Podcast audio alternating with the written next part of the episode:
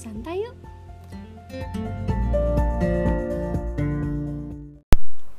Halo, selamat pagi, selamat siang, selamat sore, selamat malam. Welcome back to my podcast.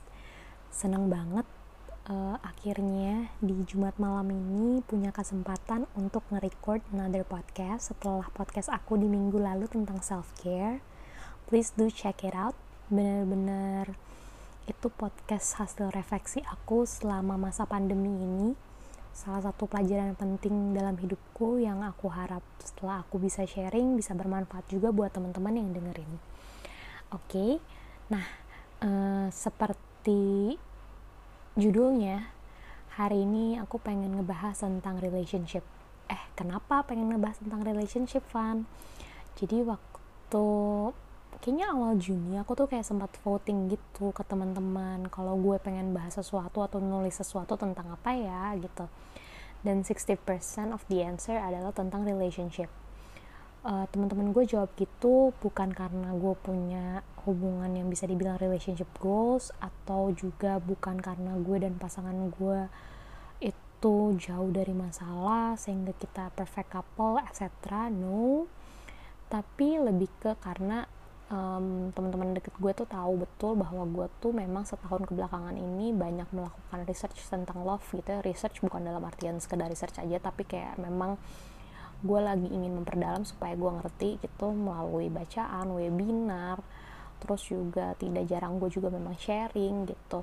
Um, jadi intinya um, besar harapan gue dari pembelajaran-pembelajaran itu intinya gue bisa menjalani hubungan yang lebih baik dengan pasangan gue. Nah mungkin sebelum gue masuk ke topik yang memang akan gue bahas di hari ini gitu ya karena relationship ini luas banget sebenarnya kenapa sih gue bahkan bother untuk mempelajari tentang love itu sendiri dan segala macamnya? Uh, adalah karena gue sang gue dan pasangan gue sih sebenarnya merasa bahwa setahun pertama hubungan kita berdua tuh kita masih egois banget kita nggak mencerminkan cinta itu sendiri gitu. Kita sayang sama satu sama lain tapi kita masih tetap mengutamakan diri sendiri gitu.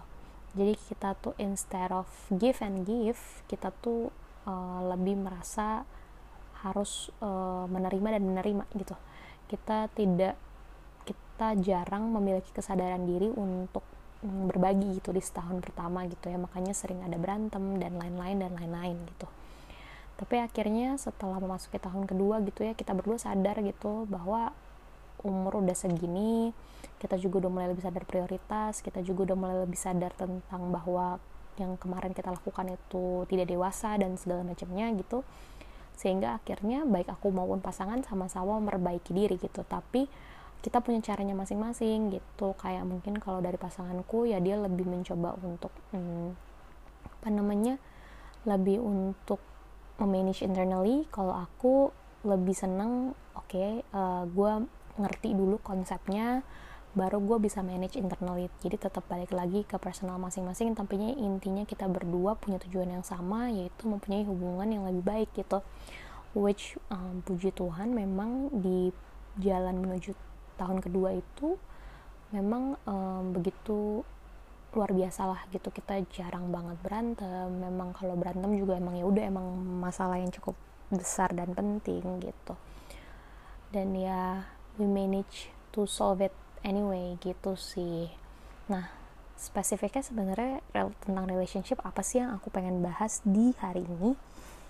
Uh, ini adalah sebenarnya sebuah terms terms yang menurut aku penting banget kita dan pasangan itu tahu tentang hal ini karena ini related to communication dalam yang namanya berhubungan communication itu penting banget. Kalau kamu nggak punya komunikasi yang lancar dan baik lancar itu bukan sering ya artinya lancar.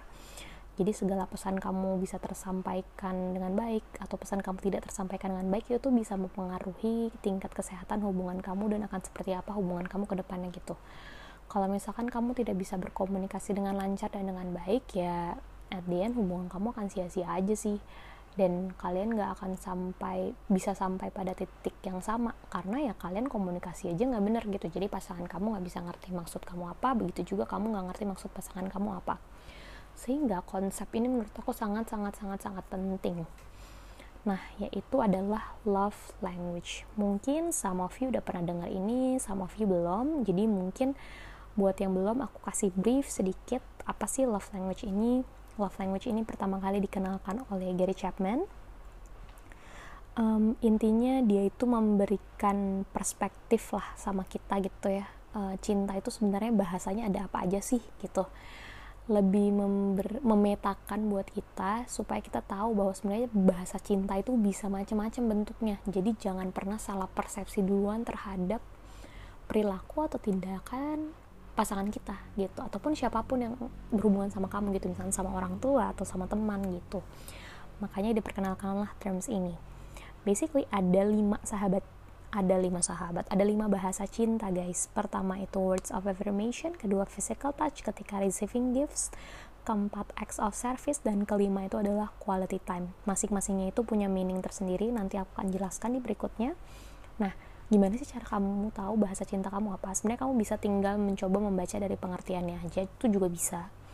Tapi kalau kamu pengen yang lebih kayak aduh gue nggak mau asumsi gue pengen emang ya udah uh, ada orang yang bisa menilai dari hasil atau jawaban-jawaban gue nah si timnya Gary Chapman ini memang punya website namanya fivelovelanguage.com kamu bisa akses ke sana dan kamu bisa tes di sana nanti langsung keluar hasilnya only 5 minutes sih tesnya nggak terlalu lama uh, tapi sedikit saran kamu harus isi itu dalam keadaan tenang pertama. Jadi nggak terburu-buru. Kedua just be honest. Ekspresikan saja perasaan kamu karena this is not a, apa namanya uh, perlombaan gitu. Karena kalau kamu nggak being honest tentang sebenarnya kamu tuh lebih prefer seperti apa atau bagaimana atau bagaimana itu yang nggak akan mencerminkan bahasa cinta kamu akhirnya. Gitu. Nah sebenarnya uh, apa namanya perlu kita sadari dulu ya sebelum kita membahas lebih dalam tentang love language kenapa ini penting gitu.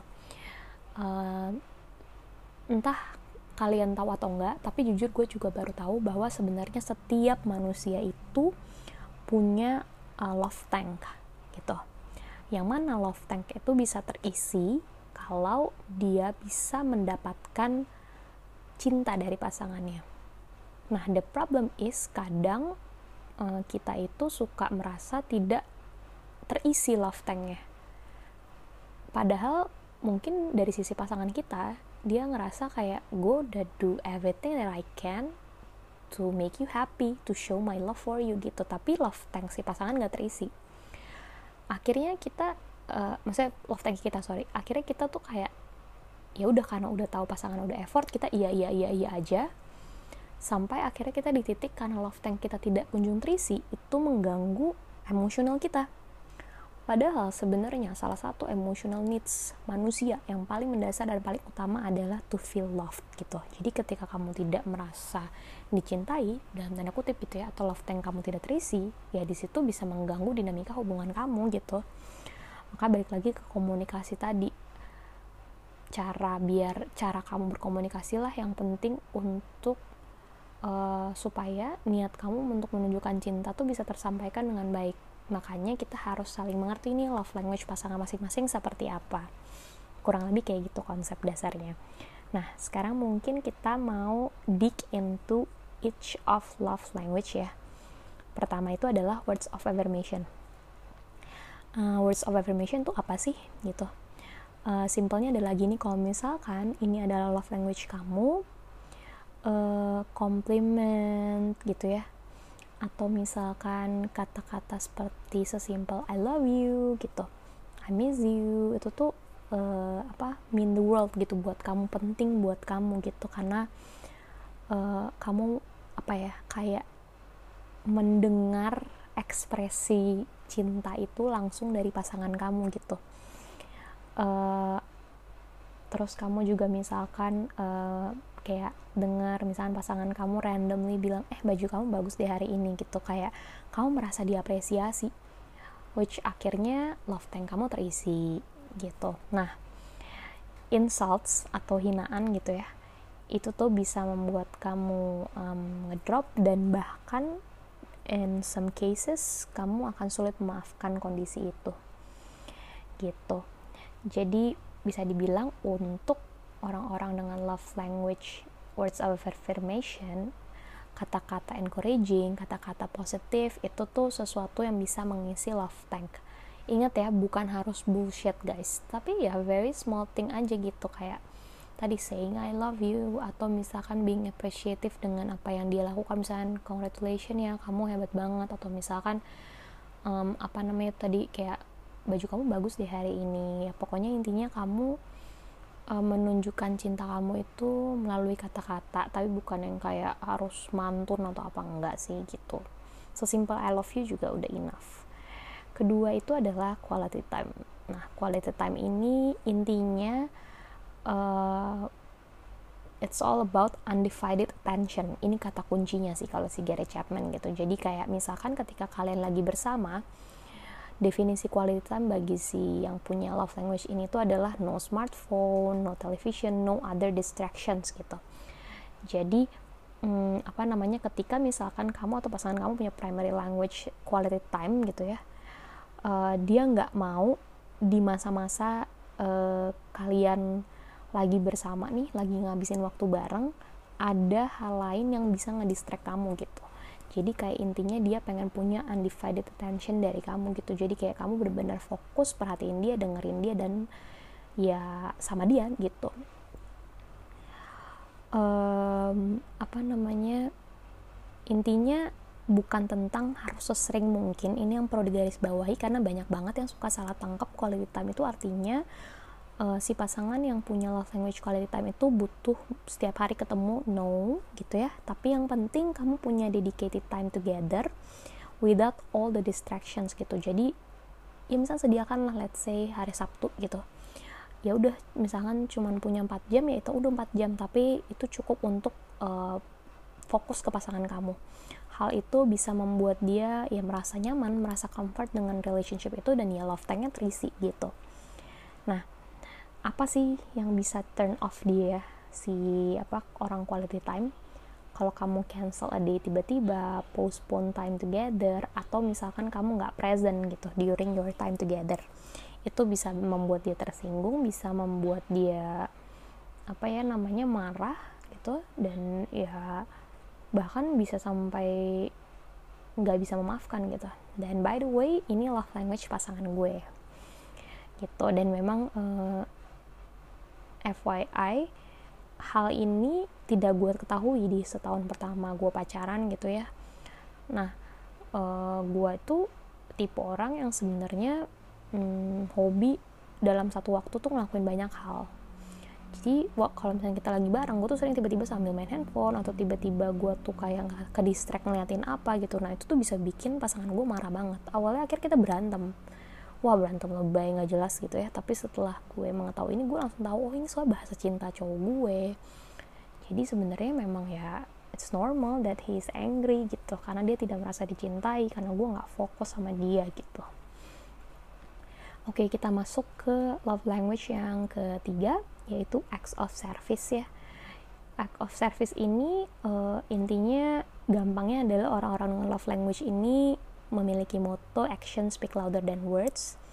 Salah satu bentuk cinta, ekspresi cinta itu adalah ketika uh, kamu melakukan sesuatu yang kamu tahu pasangan kamu tuh suka. Misalkan pasangan kamu tuh suka kamu um, masak atau misalkan suka pijitin atau apa ya kamu ngelakuin effort menyiapkan waktu untuk ngelakuin itu dan even dengan kamu kepikiran aja sebenarnya itu udah udah udah gimana ya kamu bukan cuma kepikiran sih kamu kepikiran dan kamu meluangkan waktu untuk dan effort untuk ngelakuin hal itu itu tuh udah mengisi love tank pasangan kamu banget gitu.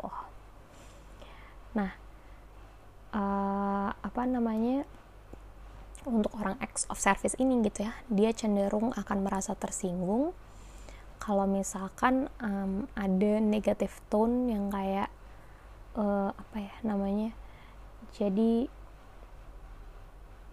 kamu tuh merintah gitu. Merintah atau kayak kesannya jadi kayak apa ya kayak nyuruh nyuruh gitu tuh tuh dia malah nggak nggak nggak nggak nggak uh, dia kesel banget gitu. Kayak dia inginnya ya kayak lo bantu juga dong gitu sih. Terus habis itu ada lagi love language physical touch. Ini tuh bukan yang kayak porno gitu ya guys. Tapi ini tuh lebih ke kayak intinya banyak orang-orang yang merasa lebih tenang dengan misalnya dielus-elus gitu. Ini tuh second language-nya pasangan gue kalau gue nggak salah ya. Nanti gue konfirmasi lagi gitu. Dia tuh kalau lagi sedih atau apa dia tuh tinggal dielus-elus itu ditenangin di punggungnya tuh dia udah langsung menenang perlahan gitu ya. Nah biasanya uh, orang-orang dengan physical touch kayak gini gitu ya akan tersinggung kalau misalnya contoh dia tiba-tiba lagi megang tangan lo terus habis itu lo nolak. Itu tuh dia kan kayak eh kenapa gitu. Itu tuh udah pasti refleks banget gitu. Dia akan merasa nggak dicintai kalau misalnya kamu tuh nggak uh, melakukan physical contact gitu. So simple misalnya ngelus doang gitu. Misalnya kayak pasangan kamu lagi sedih terus kamu kayak ya diam aja gitu tangannya. Kayak nggak peduli gitu. Nah dia akan menganggap kamu nggak peduli. Padahal mungkin sebenarnya kamu peduli cuman kamu kayak giving him time gitu. Tapi karena dia uh, love language physical touch ya akhirnya dia merasa kok pasangan gue nggak sayang sama gue nah yang terakhir itu adalah receiving gifts. Ini tuh bukan berarti materialistik ya kayak pasangan lo pengennya terima hadiah terus enggak. Sesimpel dengan kamu udah niat untuk mikirin mau ngasih hadiah apa dan menyiapkan hadiah kecil aja gitu ya itu tuh udah udah merasa dia merasa diapresiasi dan merasa diingat. Gitu. Ini tuh um, gimana ya konsepnya mirip sama acts of service. Intinya sama-sama ketika ngerasa dipikirin dan ada sebuah action nyata dia ngerasa diapresiasi dan ngerasa disayang. Bedanya receiving gifts itu berupa kamu mikirin mau ngasih hadiah apa kalau uh, acts of service itu adalah kamu memberi bantuan ke pasangan kamu. Gitu. Nah kalau aku itu love language-nya itu yang primary adalah words of affirmation dan um, yang second language-nya itu adalah quality time gitu. Makanya um, memang um, agak sedikit berbeda sama pasangan gue. Untuk yang quality time sebenarnya um, apa namanya kayaknya ini baru tertumbuh setelah gue pas berpacaran sama pasangan gue yang sekarang sih. Karena sebelumnya itu gue itu lebih ke acts of service sebenarnya. Cuman makin ke sini gue lebih ke quality time. Mungkin karena ter terefek sama pasangan gue gitu. Makanya gue juga udah mulai lebih jarang megang hp kalau lagi bareng dan segala macam segala macam. Tapi words of affirmation masih jadi love language gue yang pertama. Makanya pasangan gue tuh dari yang dulu awalnya bener-bener males banget apa babi bebo gitu dia mulai belajar untuk bisa apresiatif melalui kata-kata menguatkan gue tuh melalui kata-kata mencoba memuji gue mengapresiasi gue gitu. Dan ya itu sih pelan-pelan makanya tadi gue bilang gitu gue merasakan perkembangan di hubungan gue di perjalanan ke tahun kedua gitu karena kita udah mulai sama-sama tahu nih love language primernya masing-masing apa. Gitu. Nah memang sangat-sangat mungkin kamu punya bilingual uh, love language gitu. Jadi kayak kamu punya dua. Jadi bukan primary and secondary tapi emang poinnya sama. Misalnya 30% 30% gitu tuh bisa banget. It's normal. Uh, apa namanya? Uh, ya berarti intinya kamu with both fine gitu. Bukan berarti pasangan kamu harus memenuhi dua-duanya tapi misalnya yang terpenuhi salah satu pun ya itu sudah lebih dari cukup buat kamu gitu sih guys. Sedikit pelajaran dari aku. Um, intinya memang love language ini menurut aku pribadi ya ketika aku udah dan pasangan udah mulai saling tahu love language masing-masing, cara kami berkomunikasi, cara kami mengekspresikan cinta itu udah lebih tepat gitu. Jadi aku nggak pernah lagi tuh merasa nggak dicintai, begitu juga pasanganku gitu. Dan kita tahu porsi masing-masing. Oke, okay, Franklin maunya seperti ini, Fanya maunya seperti ini. Dan um, apa namanya lebih daripada itu gitu ya, karena kita tahu kita punya love language yang berbeda, di situlah kita saling berkompromi belajar untuk berkompromi belajar untuk uh, mempelajari bahasa cinta pasangan masing-masing gitu dan itu menurut aku salah satu kunci dalam relationship oke okay. uh, eh, mungkin kamu sama pasangan kamu perlu banget sih sebenarnya uh, mencari tahu tentang love language ini setelah udah tahu dan kalau ternyata berbeda kalian berdua harus belajar untuk berbesar hati untuk mau mempelajari love language masing-masing karena percaya sama aku there's no point gitu ya uh, kamu menjalani sebuah hubungan kalau kalian berdua tidak merasa saling dicintai gitu. Padahal misalkan kalian berdua sebenarnya udah effort gitu. Karena akhirnya apa? Kalian akan jadi capek dalam hubungan ini kalian akan menjalani hubungan yang toxic gitu. Karena ya sia-sia aja gitu. Kayak kalian berdua tuh saling mencintai tapi uh, tidak saling tersampaikan gitu. Dan itu hanya karena sesimpel kamu tidak mau mempelajari tentang satu sama lain gitu karena jujur kalau menurut aku pribadi sebenarnya tidak sulit mempelajari love language-nya Franklin. Maksudnya mengapli apa ya mempelajari dan melaksanakannya dalam berhubungan gitu. Karena uh, again kalau kamu sayang sama orang sebenarnya kamu pasti mau kok belajar untuk bisa jadi lebih baik buat pasangan kamu gitu kan. Tapi kan mungkin selama ini sulitnya adalah kamu nggak tahu apa yang harus kamu pelajari gitu. And now you know this thing is uh, cukup penting menurut aku dan mudah-mudahan uh, buat kamu-kamu yang belum menjalani atau belum mencari tahu tentang love language ini please do so. Habis itu ya the rest will follow sih menurut aku kalau communication udah bagus gitu ya. Dan um, love tank masing-masing sudah terisi pelan-pelan semuanya akan mengikuti sering dengan berjalannya waktu. Oke okay guys mungkin tentang love language itu dulu. Mungkin tentang relationship yang lain-lain lain nanti aku akan bahas di episode berikutnya. Thank you so much udah dengerin and I'll see you on my next podcast. Bye